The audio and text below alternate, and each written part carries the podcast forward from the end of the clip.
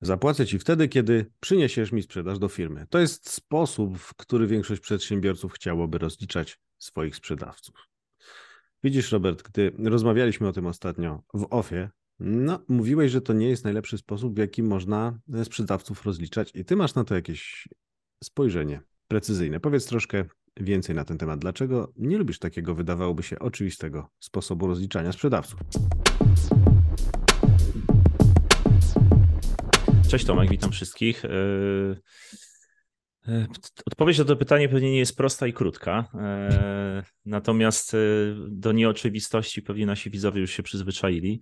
Tak Aczkolwiek w tym przypadku myślę, że sprawa jest faktycznie dosyć oczywista. To znaczy, mi jest sobie trudno wyobrazić inny, inny zawód, inne zajęcie, w którym ktoś godzi się na to, żeby pracować przez powiedzmy kilka miesięcy, bo cykl sprzedażowy może trwać nawet i pół roku albo i dłużej, mhm. E, bez pobierania wynagrodzenia, ale to nie wszystko, no bo oczywiście można powiedzieć na koniec sobie odbije, mhm. ale z pewnym ryzykiem, że sobie nie odbije. E, no, I... Za to ryzyko dostaje pieniądze, prawda? No bo to już jest kwestia ustalenia zasad wynagrodzenia. Tak, tylko ja, ja bym powiedział tak. Wydaje mi się, że albo jestem przekonany, że w kontekście sprzedawcy i pracodawcy, tutaj przedsiębiorcy, który zatrudnia sprzedawcę, występuje pewna nierównowaga, bo tak jak mówię, odnosząc to do mhm. innego stanowiska, innej, e, innego rodzaju pracy, którą się wykonuje w firmie, firma ma różne stanowiska, różne obszary, to mi jest naprawdę ciężko znaleźć drugo, drugi taki, e, takie drugie stanowisko, taki drugi zawód, taką drugą funkcję czy rolę, w której byłby to, e, byłby system podobny jak do tego, o którym na początku powiedziałeś. Mm, I to jest e, według Ciebie jedyny element, te, który można powiedzieć dyskwalifikuje taki sposób rozliczenia, bo inni tak nie mają, to wiesz, no w ogóle w robocie przedsiębiorcy to jest Inni tak nie mają. No i co z tego? No, co prawda tak nie, ma związku, tak nie ma związków zawodowych sprzedawców, co prawda, może by to warto było założyć, ale, ale powiem tak, y, bardziej mi chodzi o to, że y, no tutaj jak w każdym biznesie występuje pewna y, logika, pewne prawa ekonomii, wszystko jest, mhm. każdy biznes kręci się wokół pewnych praw, zasad i, i, i założeń. I teraz nie rozumiem, nie rozumiem do końca, dlaczego akurat w przypadku sprzedawcy Mm, miałoby być tak, że on jest, y, ma możliwość, czy, czy, czy powinien pracować przez kilka miesięcy, nie pobierając wynagrodzenia, z ryzykiem, że na koniec tego wynagrodzenia nie osiągnie. Także ja ogólnie uważam, że taki rodzaj podejścia nie jest dobry w, w biznesie B2B, w sprzedaży nietransakcyjnej, sprzedaży, która wymaga podejścia procesowego i która wymaga dużego zaangażowania po stronie sprzedawcy. Bo kiedy to jest sprzedaż transakcyjna, to możemy rozmawiać o. Bo poruszyłeś ciekawy element, a mianowicie e, poruszyłeś temat związany z ryzykiem. Mam w sprzedaży B2B i tej części, o której mówiliśmy, czyli zapłacę ci wtedy, kiedy przyniesiesz sprzedaż do firmy, całe ryzyko jest po stronie sprzedawcy.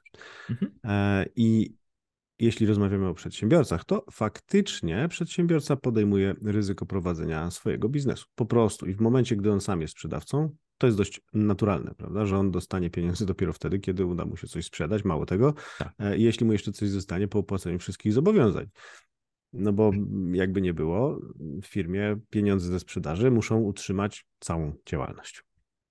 Natomiast jeśli mówimy o sprzedawcy, czyli pracowniku najemnym, to jego ryzyko powinno być nieco bardziej e, ograniczone. No chyba, że z tego sprzedawcy chcemy zrobić wspólnika, ale jak rozumiem, to już jest kolejny etap rozważań.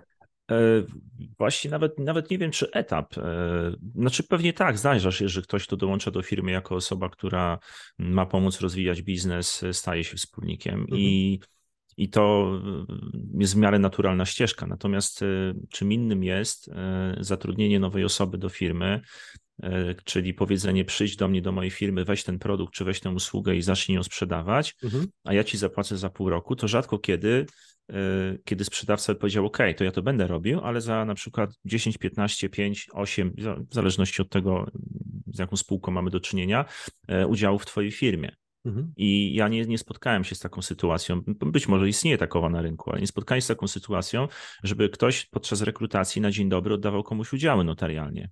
Nie, no, Raczej tak no się nie dzieje. Sprawdzić potencjalnego wspólnika. No właśnie, i dlatego się w drugiej teraz, sytuacji. Nie tylko jeszcze powiem jedną rzecz, mm -hmm. że to właśnie jest ta nierównowaga.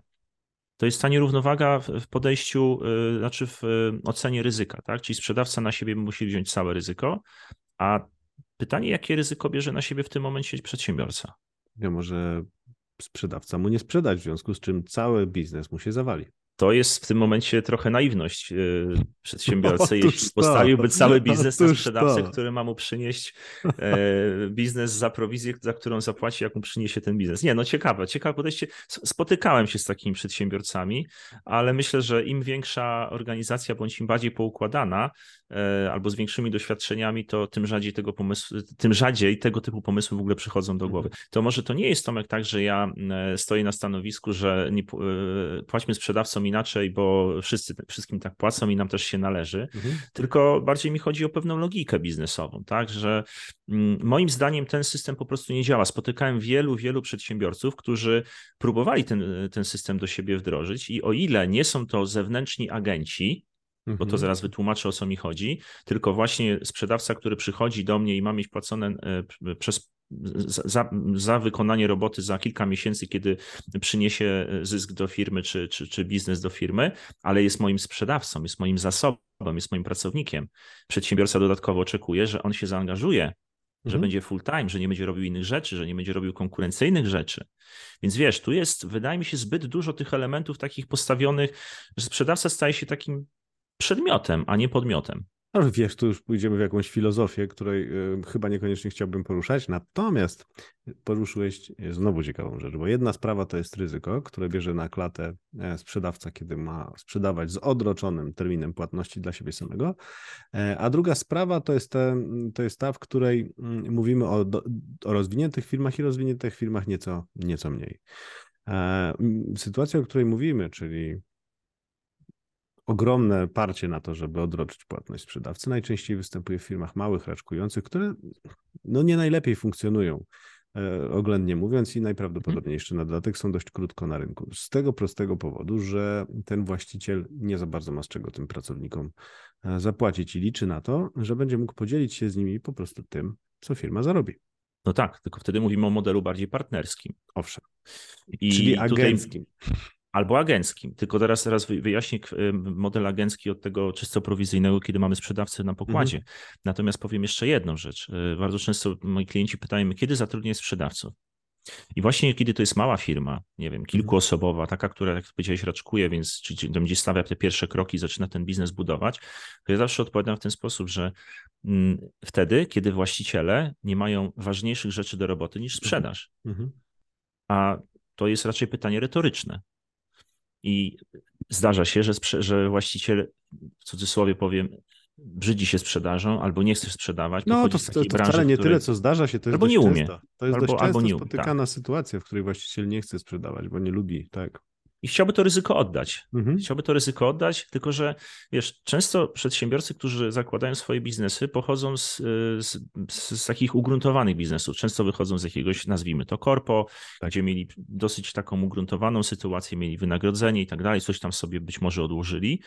I trochę im się wydaje, że tak może to funkcjonować w tym e, moim własnym biznesie. No tak do końca nie jest. Tej roboty nikt za ciebie nie zrobi, drogi mhm. przedsiębiorco. Myślę, że, że trzeba tak naprawdę na początku trochę zakasać rękawy i popracować samemu.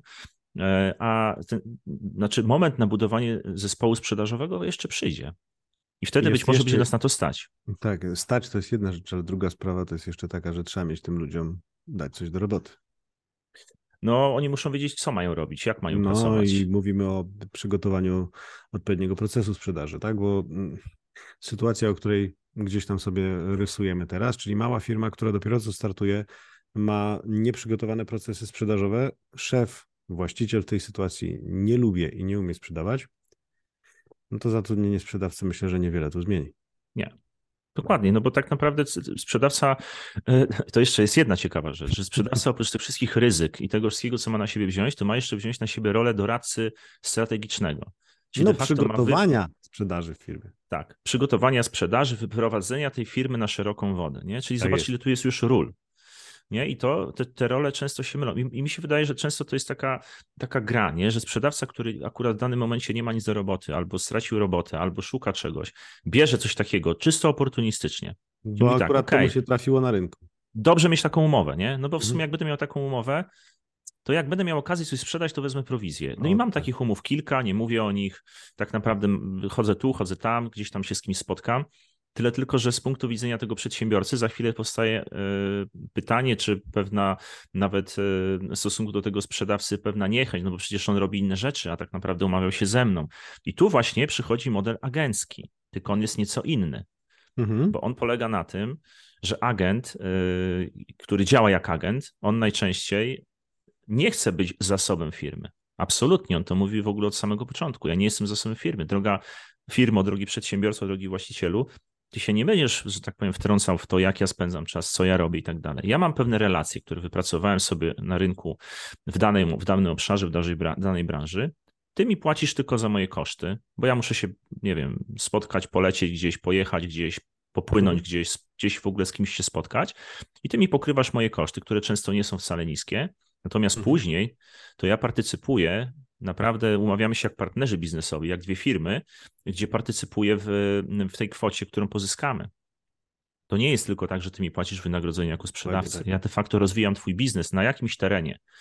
I mam kilku takich klientów, którzy e, metodą agencyjną rozwijają z powodzeniem rynki zagraniczne. Nie mając mhm. tam zespołów sprzedażowych, ale po pierwsze, płacąc niemało jak na polskie warunki, za, e, zwracając koszty te, mhm. pracy tego agenta, za to, żeby on w ogóle miał standby dla nas, żeby w ogóle był gotowy poświęcić nam trochę czasu i wykorzystać te relacje. No a dwa, żeby na jego barkach wejść do jakiegoś dużego e, kontrahenta. Tylko, że znowu musimy wiedzieć, gdzie chcemy wejść.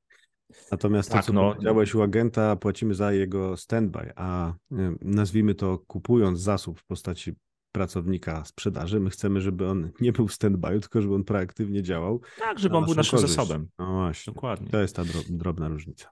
I myślę, że to, jest, to są te wszystkie elementy, bo zaczęliśmy od tego pierwszego, że związki zawodowe sprzedawców, nie? I to nie do końca tak jest, nie? To oczywiście to jest argument, to jest jeden z argumentów, że inni tak nie mają, ale nie dlatego, że inni tak nie mają, to mamy tak mieć, tylko dlatego, że to się trochę nie trzyma kupy i trochę jest to nielogiczne biznesowo.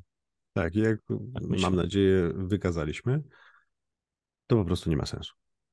No, moim zdaniem, na dłuższą metę na pewno nie ma sensu. Tym optymistycznym akcentem kończymy dzisiejsze spotkanie i zapraszamy Was na kolejne, gdzie pokażemy, myślę, ze dwa sposoby, w jakie można rozliczyć sprzedawców skutecznie. Wszystkiego dobrego, do zobaczenia. Wszystkiego dobrego, do zobaczenia. Cześć.